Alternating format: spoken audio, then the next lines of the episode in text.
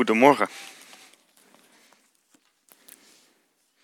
Hij staat aan, hè? Ja, hij staat aan. Perfect. Goedemorgen, beste mensen. Uh, mijn naam is uh, Maurits. Ik ben hier samen met Adrianne. Eerste keer hier. Dan is het dus even zoeken waar je moet parkeren. Uh, wij hebben dus de auto helemaal naar boven gereden. Want, want ik dacht even, het moest helemaal naar boven zijn, dacht ik via de mail. maar het was dus eentje lager. Alleen boven is het wel glad. Dus uh, ik stap die deur uit. en ik lig echt binnen, nog, binnen geen seconde lig ik gewoon gestrekt daar boven op dat parkeerdek. Dus we hebben al een heel hilarisch moment meegemaakt in Spijkeris. Dus dat is een goede start. Uh, dus dat was echt een grappig momentje. Ik ging een soort van uit die, uit die stoel en ik lag in één keer zo, gewoon gespreid zo. Um, we komen uit uh, Rotterdam. En, maar we kwamen nu van mijn ouders vandaan in Krimp, want dan kunnen we even de auto pakken daar. Dus dat was extra handig. het is heel leuk om inderdaad bij u te zijn. Um, voor de eerste keer. Ik wil uh, vanochtend het hebben over een heel eigenlijk bazaal thema, wat heel erg centraal staat in ons leven als het goed is en ook in, in de gemeente. Dat is het evangelie van Jezus Christus. En het zal eigenlijk gewoon daarover gaan vanochtend. Dat betekent dat u sommige dingen gaat horen die u misschien al een beetje kent. En dat is eigenlijk mijn grote plezier om het dan opnieuw met u te gaan bespreken. En tegelijkertijd gaan we kijken over wat nou die kennis van het evangelie, ook om er juist niet van af te wijken.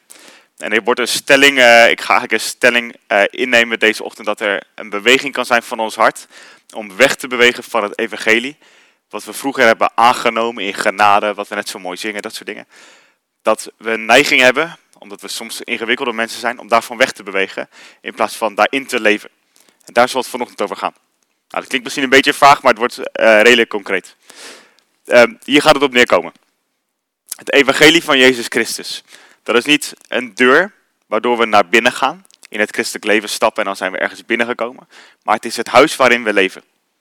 Het evangelie van Jezus is het huis waarin we leven. En het is relevant ook voor nu op dit moment, wat u sowieso al weet. Het is niet iets van vroeger wat we een keer hebben aangenomen toen we jong waren, maar het is iets van nu wat relevant is voor nu. Dus we gaan praten over wat het is om in het evangelie te leven. Nou, daar kom ik een beetje bij vanuit uh, 1 Korinthe 16. Misschien uh, uh, 1 Korinthe 15, sorry. Vers 1 tot en met 6. Die kan ik er kort even bij pakken. Uh, Paulus uh, die hier uh, op zijn eigen manier het evangelie samenvat in enkele versen. Oh, perfect. In de MBV. Broeders en zusters. Ik herinner u aan het evangelie dat ik u verkondigd heb. Dat u ook hebt aangenomen en dat uw fundament is en uw redding als u tenminste vasthoudt aan de boodschap die ik u verkondigd heb. Anders bent u te vergeefs tot geloof gekomen. Het belangrijkste dat ik u heb doorgegeven, heb ik op mijn beurt ook weer ontvangen. Dat Christus voor onze zonde is gestorven, zoals in de schriften staat. Dat hij is begraven en op de derde dag is opgewekt, zoals in de schriften staat. En dat hij is verschenen aan Kefas en vervolgens aan de twaalf leerlingen. Daarna is hij verschenen aan meer dan 500 broeders en zusters tegelijk, van wie er enkele gestorven zijn, maar de meeste nu nog leven. Ik zeg hier graag twee dingen over, als u dat goed vindt. Uh, nummer één is, um, wat bijzonder is aan wat uh, Paulus zegt, is, hij zegt, ik vertel u dit evangelie, wat u al hebt aangenomen, wat ik al heb verteld, wat u al geloofd hebt. Maar blijkbaar gaat hij het nog een keer herhalen aan die mensen. Blijkbaar mensen die dit verhaal hebben geloofd, zoals wij vanochtend, de meeste van ons. Blijkbaar is het relevant voor Paulus om dan opnieuw over het evangelie te praten. Zou het kunnen zijn, dat is die stelling, dat het relevant is, omdat we geneigd zijn om er toch een beetje van af te blijven. Om toch een beetje weg te bewegen. En nogmaals, dat wordt straks concreter. Dat is het eerste wat ik graag wilde zeggen, is dat Paulus blijkbaar herhaalt dit evangelie van Jezus aan mensen die het allemaal al geloven. U en ik kunnen straks aan de koffie allebei om zijn beurt teksten gaan noemen uh, die het evangelie uitleggen. En toch spreekt Paulus er opnieuw over, net als ik vanochtend. Het tweede is um, dat Paulus zegt dat die mensen niet alleen maar geloofd hebben vroeger, de mensen in Korinthe. Ze hebben het niet alleen maar aangenomen vroeger, maar ze staan er ook nu in. Het evangelie is iets van het verleden, maar het is ook iets van nu. De mensen van Korinthe die staan nu in het evangelie. En het zal ook iets zijn van de toekomst. Dat is hoe je gered zal worden, zegt Paulus. Het evangelie is verleden, heden en toekomende tijd. Nou, twee dingen vanuit deze tekst gaan eigenlijk deze hele preek bepalen. Nummer één is, het is goed om elkaar hieraan te herinneren, want we bewegen weg. En nummer twee, je kan dus blijkbaar staan in het evangelie. Het is niet de deur waardoor we heen komen, maar het is het huis waarin we leven. Dat worden de twee dingen van dit verhaal. Uh, er was eens een man. En hij studeerde rechten. En uh, hij studeerde dat uh, in een tijd waarbij hij nog bij zijn uh, ouders woonde. En hij ging elke keer naar huis toe van de universiteit naar zijn ouders. Alleen, ehm, het was nog een heel aantal eeuwen terug. Dus hij ging op zijn paard. En hij trok door een bos heen om naar zijn ouders toe te gaan. En terwijl hij door dat bos gaat, ontstaat er een hele grote storm. En hij wordt erg bang, deze man. Hij wordt heel bang en hij gaat bidden tot God.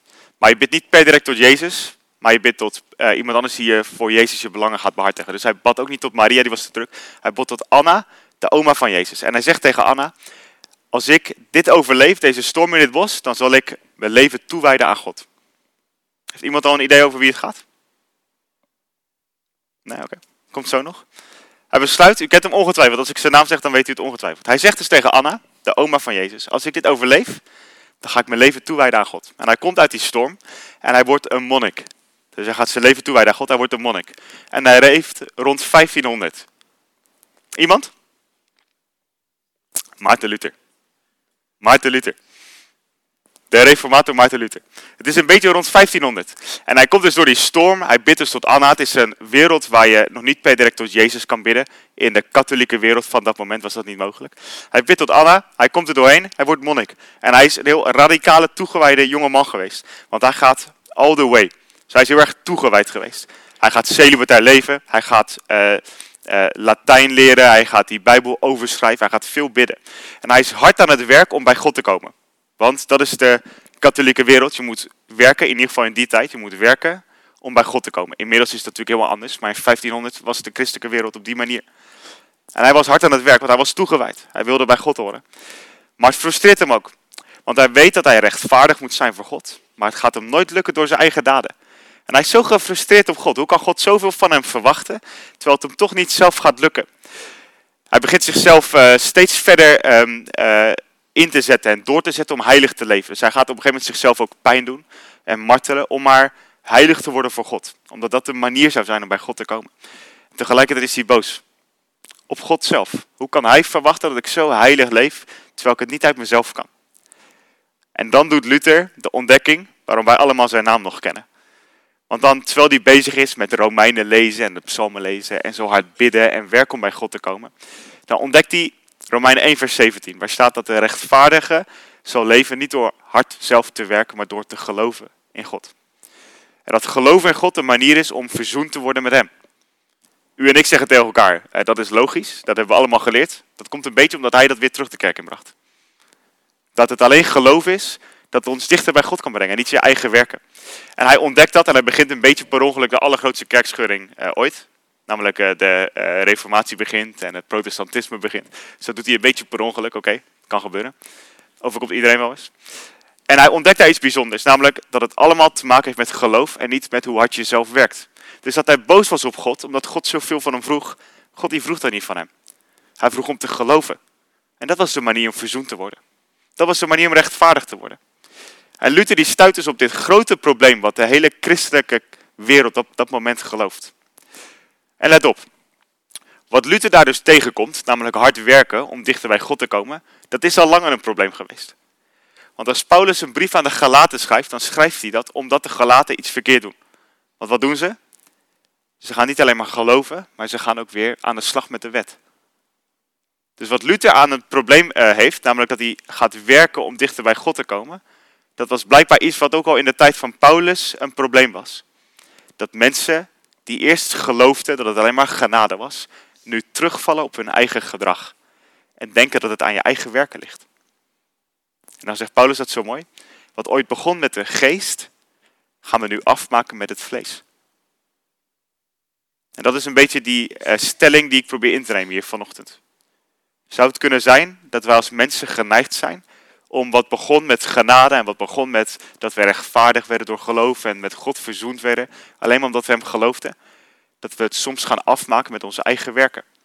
En toch ons eigen gedrag op een manier uh, beschouwen wat niet juist is. Wat niet bij het evangelie past.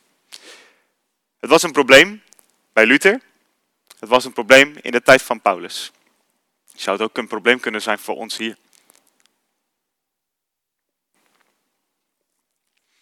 Deze valkuil van Luther en deze valkuil van Paulus, of in ieder geval van Paulus' tijd, zou het ook een valkuil kunnen zijn voor u en voor mij. in Spijkenisse. De valkuil is dit. En dan wordt hij wat concreter. De valkuil is dat we steeds meer gaan geven om gedrag, in plaats van dat we kijken naar wat God van binnen in ons doet. Dus stel je voor, we zouden hier vooral praten over hoe we ons gedrag moeten aanpassen, maar niet praten over wat God van binnen met ons gaat doen. Of wat de Heilige Geest van binnen met ons gaat veranderen. Dan vervallen we een beetje in die valkuil van Luther en van de Galaten. Omdat de manier hoe God werkt en de manier hoe het evangelie mensen bereikt, altijd van binnen is en niet van buiten is. En daarom maakt het vanochtend niet uit wat u heeft gedaan de afgelopen week. U bent altijd zeer welkom bij God, omdat de nadruk van God niet ligt op wat ons gedrag is geweest, maar op wat er van binnen gebeurt. En dat zie je op heel veel manieren in de Bijbel. Dat bijvoorbeeld eh, als er mensen allemaal offers brengen aan God, dat, dat God bijvoorbeeld zegt, Psalm 51 met David, ik ben niet geïnteresseerd in al die offers, maar in je hart. Net als David die grote zonde heeft gedaan, met uh, dat hele verhaal met de vrouw en de man die die heeft laten sterven bij het leger. Dan zegt God, ik ben niet geïnteresseerd in al die offers, maar in je hart. En daarom is het waar vanochtend voor u en voor mij, dat wat u heeft gedaan deze week, het relevante vanochtend niet is uh, of u nou weer hierheen bent gekomen of hoe heilig u gaat leven de komende week, maar of u uw hart aan God geeft. Want dat is de focus van het evangelie. Dat is niet wat er voor gedrag is, maar wat er hier van binnen is.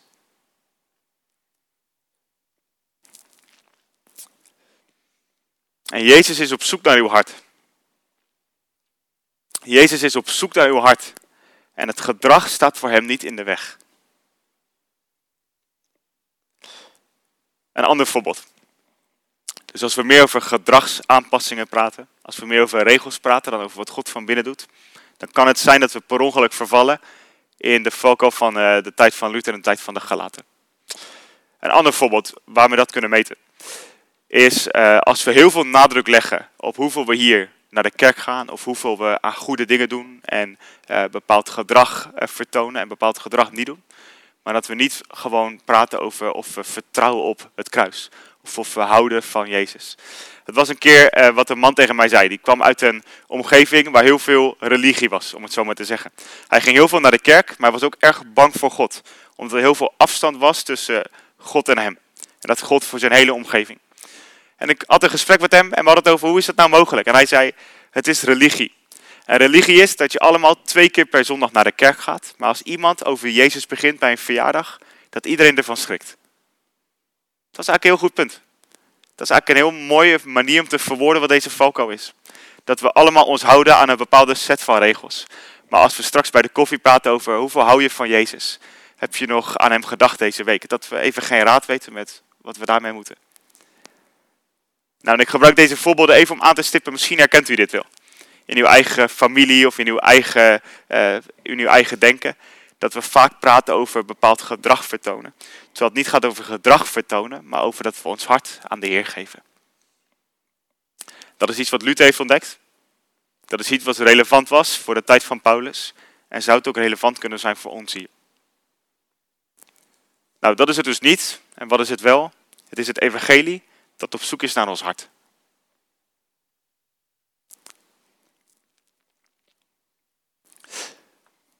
Tegelijkertijd, als Luther ouder wordt, dan gaat hij dingen zeggen die daar een beetje mee gaan botsen. Dus aan de ene kant is hij heel bekend geworden omdat hij zei, het heeft alleen maar met geloof te maken. En als hij dan uh, een paar jaar later weer uh, aan het schrijven is, dan zegt hij ook iets heel bijzonders. Dan zegt hij, het komt alleen maar door geloof, maar geloof kan nooit alleen komen. Het komt alleen maar door geloof dat we bij God kunnen komen, maar geloof op zichzelf kan nooit alleen komen. En dit is het tweede deel van Luther. Dus Luther deel 1 is dat hij zegt, het heeft alleen maar met geloof te maken. Het maakt niet uit wat je doet, het gaat om het hart. Maar het tweede deel van Luther is, als je gelooft, dan kan dat nooit op zichzelf iets blijven. Maar er moet altijd een gevolg zijn als je gelooft. En dat is een beetje de spanning die er in de Bijbel is. Dat hoewel het niet om ons gedrag gaat, en hoewel het gaat om ons binnenste en niet hoe we ons kunnen houden aan regels, het tegelijkertijd heel belangrijk is wat we doen met ons gedrag. En het tegelijkertijd eigenlijk super belangrijk is dat we ons houden aan wat God heeft voorgeschreven. En dat we ons gaan aanpassen aan wat God belangrijk vindt. En dat is een beetje de spanning die we moeten voelen. Aan de ene kant maakt het niet uit wat u gisteravond heeft gedaan. U bent van harte welkom bij God. Maar als u gelooft, als u de genade van God heeft leren kennen, als u Jezus heeft aangenomen als u vertrouwt op het kruis, dan is het zeer juist als uw leven gaat veranderen. En de patronen die u in uw leven heeft, die niet passen bij het evangelie, die niet heilig zijn of die niet rein zijn, die moeten worden opgelost, die moeten veranderd worden. En dat kan ook, want dat is de route van het evangelie. Dat is wat God doet in het hart van mensen. Hij verandert ons van binnenuit. En dat is wat de hele Bijbel door al gebeurt. Ik zou zelf zeggen, vanuit de teksten in de woestijn in Exodus kunnen we praten over hoe God van binnenuit mensen wil veranderen. Zelfs in het Oude Testament. Want dit is altijd de route geweest van God. Om van binnenuit mensen te veranderen die op Hem gaan lijken. En het is mijn ervaring dat sommige mensen, en ik doe het ook ongegeneerd bij bijvoorbeeld de disputen van studentenverenigingen, dat er een heel aantal mensen het nodig hebben om te horen dat het alleen maar geloof is wat je bij God brengt. Maar dat er ook vele mensen onder ons zijn die moeten horen, het is ook nodig dat we ons gaan aanpassen aan God. En dat als we Hem hebben aangenomen in ons leven, dat er een resultaat zal zijn in ons gedrag. Het evangelie is niet je gedrag, maar het evangelie heeft wel een vrucht in je leven en dat is dat je gedrag anders gaat zijn. En dat is een belangrijke spanning die we even moeten voelen hier. En ook vanochtend is het waar dat, dat sommigen van u alleen maar het eerste deel moeten horen. Maakt niet uit wat u gedaan heeft. U bent van harte welkom bij God. Dit is het goede nieuws van het evangelie. Dit is God die op een of andere manier inderdaad mensen belangrijk vindt. Groot of klein. En sommigen van u heeft het ook nodig om dat tweede deel te horen. Dat als u gelooft in Jezus. Als u dit evangelie kent. Dan is het nodig dat uw gedrag ook hiermee in lijn gaat zijn. En dat God van binnen met u gaat werken. Het evangelie is niet iets van de deur waardoor we doorheen liepen en dat het iets van vroeger is. Het is het huis waarin we leven. Het is voor nu en deze dag belangrijk voor ons leven. En dat heeft dus onder andere te maken met dat we ons leven in lijn gaan brengen met God. En ik wil even ook vanaf hier zeggen, uh, dat proberen we ook allemaal met elkaar. Het is niet dat ik u ergens van overtuig. Dit is wat we natuurlijk met elkaar proberen. En een heel aantal van u al veel langer dan ik. Uh, dus, dus ik wil ook niet zeggen dat ik u iets aan het vertellen ben wat u niet al lang weet. Maar het is voor u een herinnering, hoop ik, deze ochtend. En ik hoop ook het op een manier te doen waarbij u ook wat voelt om weer um, uh, met passie uh, en met energie weer te kijken naar uw leven. En te kijken hoe kan het nog meer in lijn komen met Jezus. Hoe kan het nog heiliger of reiner zijn. En dat wil ik graag doen met, met twee gebruiken die, die heel centraal staan in het christelijk leven. En dat is het beleiden en het bekeren. En die twee die zijn heel relevant voor mij in mijn afgelopen tijd. En ik wil het u graag vanochtend ook opnieuw aan herinneren. Dat om dit christelijk leven te leven, deze twee gebruiken centraal zouden moeten staan. Dat we beleiden en dat we bekeren. Dat we beleiden dat we onszelf kenbaar maken aan elkaar. Aan misschien uw partner of mensen in deze gemeente of iemand buitenaf, oké? Whatever maar dat we bekend gaan worden. En dat we die dingen geheim houden of voor onszelf houden. En ook al is het niet altijd relevant voor die ander om het te horen, is het wel relevant voor ons om het te beleiden. Dus hoewel die andere misschien niet per se iets dan heeft dat u het heeft verteld, is het een zeer juist iets om voor 100% openbaar te zijn. Alle lelijke of duistere kanten in ons, om het openbaar te leggen. Dat we geen geheim houden. En ik ervaar voor mezelf, ik wil niet het risico lopen dat ik dingen geheim hou, waarbij ik de duivel ruimte geef in mijn leven. Ik kan het niet laten gebeuren. Ik wil dit leven leven wat waardig is voor het evangelie. Ik ben 24 jaar. Ik wil deze jaren op de beste manier inzetten voor het koninkrijk van God. Ik ga het niet laten gebeuren dat er dingen zijn in mijn leven die geheim zijn. Voor mijn vriendin, voor mijn vrienden. Dingen waar de duivel mee aan de haal kan gaan. En soms vertel ik dingen aan mijn eigen, aan mijn eigen vrienden bijvoorbeeld. Ik weet het is niet relevant voor hen. Maar het gaat erom dat ik zelf kenbaar wil zijn. Dat ik open wil zijn voor mensen. Dat ik 100% openbaar word voor hen zodat zij kunnen spreken in mijn leven. Zodat ik me kan aanpassen, zodat ik geen geheimen meer heb. En dit is het deel van beleiden. En ik wil u, ook al ben ik nog jong vergeleken sommigen van u, toch in alle nederigheid van harte aanmoedigen. Als er patronen zijn in uw leven. Als u gedachten heeft die niet kloppen. Als u gebruiken heeft die niet juist zijn. Dan wil ik u echt nadrukkelijk aanmoedigen om het te gaan vertellen. Om ook maar een klein ding geheim te houden, is om niet helemaal gekend te worden door de ander. En hoe belangrijk is het dat we openbaar worden en niet de ruimte geven aan de duivel. Het leven is te belangrijk om te leven voor het evangelie. En het evangelie is te mooi om het maar half-half te gaan doen. En wat veel van u ook al hebben ervaren is, als we dit gaan beleiden. Als we die dingen gaan beleiden in ons leven die we nooit aan anderen hebben verteld. Dat er als het ware iets van ons af zal vallen. Een last van onze schouders. En dat we een beetje ervaren wat al die teksten zeggen. Beleid elkaar uw zonde en u zult vergeven worden. En als we deze dingen beleiden, dan is het evangelie ook uh, gefocust op dat we ons gaan bekeren en dat we ons gedrag gaan afronden. Uh, sorry, gaan omdraaien. En daarmee wil ik afronden, dat wilde ik zeggen. Dat we ons gedrag gaan omdraaien. En bekeren in de Bijbel is een heel dynamisch iets. Het is uh, heel levend om te bekeren. Het betekent twee dingen. Eén is, het betekent dat je anders gaat lopen. Dat betekent gewoon omkeren. Dus ik ben een bepaalde manier aan het leven. Ik loop deze ene kant op. En bekering is dat ik stop met die kant op lopen. En ik begin met die kant op lopen. Dus de ene kant is dat je stopt met die kant op lopen. En de andere kant van bekeren is dat je de andere kant op gaat lopen. Dat is een heel mooi iets. Let op, bekeren is dus niet alleen maar dat ik bepaald gedrag vertoon en daarmee stop. Dat is deel 1 van bekering. Maar deel 2 is dat je de andere kant op gaat lopen. Stel voor, ik heb een probleem met dronken zijn. Dat is een duidelijke zonde in de Bijbel. En ik heb een patroon van dronken worden, elke week. Stel voor, ik loop die kant op van dronkenschap en ik loop deze route. Dan is bekering dat ik stop met te veel alcohol drinken. Sterker nog, misschien moet ik het wel nooit meer doen. Dus ik stop met alcohol drinken. Maar bekering is meer dan dat je alleen maar stopt met het ene. Het is dat je begint met het doen van het andere. En dat is in dit geval het tegenovergestelde. Dronken zijn, daarmee stop ik. En wat begin ik te doen? Ik begin heel erg uh, beheerst te worden. Of bijvoorbeeld veel zelfcontrole uit te oefenen. Of wat voor probleem er ook onder zit. Dus het is het stoppen met het ene en het beginnen van het doen van het andere.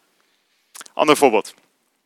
Er zou een man zijn en die pleegt overspel. En hij doet het herhaaldelijk. Hij leeft een leven van overspel. Via pornografie, via uh, contacten die hij heeft.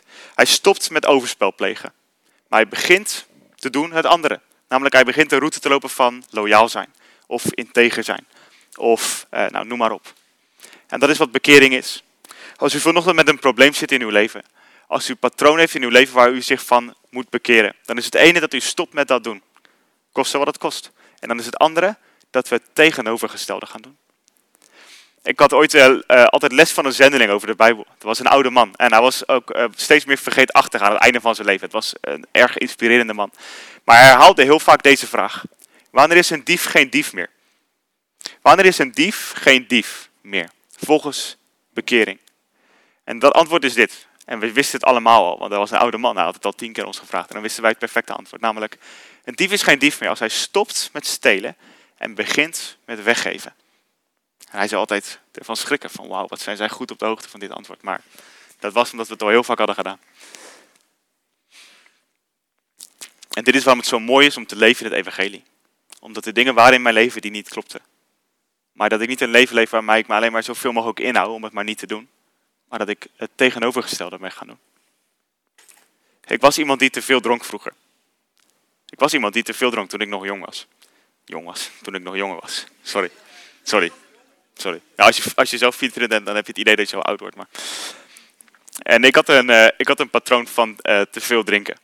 Eén eh, was dat ik, dat ik gewoon een lok zette op mijn alcoholgebruik. Dat ik gewoon nooit meer veel dronk. Dus dat was gewoon een beetje een regel. Nou, het stelt ook niks voor. Het stelt ook niks voor als je denkt aan wie Jezus is. Maar goed. Dus daarmee stopte ik met te veel drinken. Maar God heeft bij mij iets aangewakkerd waarbij ik echt een diepe liefde heb gekregen voor het controleren en het beheersen van mezelf. Ik zou wel gek zijn om te veel te drinken. En ik zou wel gek zijn om mijn tijd te verdoen met, uh, met dronken zijn en met altijd last hebben de volgende ochtend. In plaats van dat ik leef voor de evangelie. Dus dat is iets wat van binnen gebeurt. En hoeveel voorbeelden hebben we wel niet onze eigen, onze eigen levens. Dus als hier mensen zijn die struggelen met pornografie. Het is werkelijk een bevrijding. Het is niet alleen maar dat je je inhoudt om het niet meer te doen. Maar het is dat je gaat houden van op een juiste manier omgaan met deze zaken. En dit is de, dynamische manier van bekering volgens de Bijbel. En dit is wat het is om in het evangelie te leven. Nu, ik zal even samenvatten wat heb ik gezegd. Uh, en dan uh, zeg ik uh, nu niks meer. Paulus die vertelt aan de mensen van Korinthe. Ik heb u al verteld over het evangelie, maar ik vertel het u weer opnieuw. Blijkbaar is dat relevant. Zou het kunnen zijn dat we wegbewegen van het evangelie? Dat wat begon met genade en wat we ooit hebben aangenomen vroeger, dat we nu gaan afmaken met onze eigen werken. Dat is een beetje het probleem van wat Luther had. En dat is een beetje het probleem van wat de mensen in de tijd van Galaten hadden. En zou die valkuil ook onder ons kunnen leven? Let op, het gaat niet om gedrag, het gaat om ons hart. En tegelijkertijd voelen we allemaal die spanning. Hoewel het niet om gedrag gaat, is het toch heel belangrijk wat we doen met ons leven. En dat is die spanning van het evangelie. Het begint van binnenuit, maar het heeft altijd resultaat in hoe we leven. En daarbij zei ik, sommigen van u heeft het nodig om alleen maar te horen, het gaat om geloof. En sommigen van u heeft het nodig om te horen, we moeten ook ons gedrag gaan aanpassen. Leven in het evangelie en ons gedrag aanpassen op twee manieren. Om te beleiden, we willen geen ruimte geven aan de duivel, om ook maar ons tegen te houden voor wat dan ook.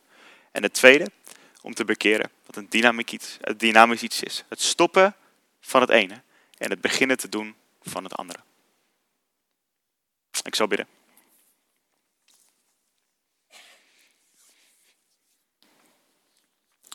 En terwijl we onze ogen gesloten houden, ehm, wil ik even een moment nemen van rust en bij u deze vraag neerleggen.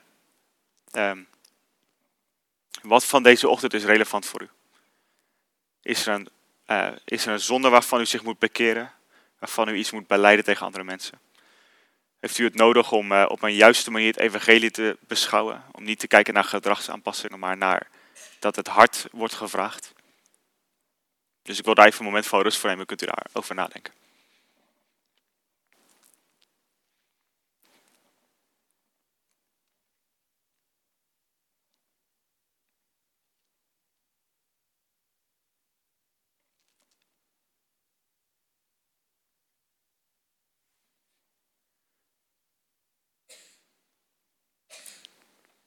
Heer Jezus.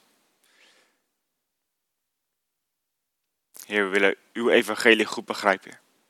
Help ons om uw evangelie op een juiste manier te snappen en erover te praten en erin te leven. En Heer, we willen net als Paulus dat dit zo centraal wordt in ons leven. En dat het ook zo centraal wordt in deze gemeente. Uw evangelie, uw goede nieuws. Wat relevant was voor onze verleden tijd, voor de heden tijd en voor de toekomende tijd. En Jezus, ik wil u ook nadrukkelijk vragen, help ons Heer, om ons leven te leven wat in lijn is met u. En om deze jaren die we hier op aarde van u hebben gekregen, om die op een waardige manier in te zetten voor het evangelie. Help ons Heer om te focussen op u, om niet onze tijd te verdoen met dingen die niet relevant zijn voor het koninkrijk. Maar op, op een manier te leven die past bij u Heer, die waardig is Heer. Die waardig is voor u Heer om u te behagen. En Heilige Geest, ik bid u vanochtend dat u met kracht over mijn broers en zussen wil komen, Heer, deze ochtend. In de naam van Jezus. Mijn broers en zussen uit Spijkenissen, dat u met kracht over hun heen wil komen, Heer. En dat u hem wil aanspreken, Heer. Dat u hem wil bemoedigen, Heer. Dat u kracht wil geven, van binnenuit wil gaan veranderen. En ik bid zo weer voor een beweging van uw geest vanuit deze plek. Opdat u wordt geëerd, uw evangelie wordt verspreid, Heer. In de naam van Jezus. Amen. Ik geef u graag de zegen. Vader in de hemel, ik bid zo weer. Voor uw zegen over mijn broers en zussen. Lieve broers en zussen uit Spijkenis, ik geef u de zegen van de Vader. En de liefde van de Vader die voor ons is. En ik geef u de zegen van Jezus Christus. En de kracht van de Heilige Geest. Help ons, Heer, om deze week ook ons leven te leven, wat in teken zal staan van U en van het Evangelie. En zo bid ik ook uw zegen voor de gemeente. In Jezus' naam. Amen.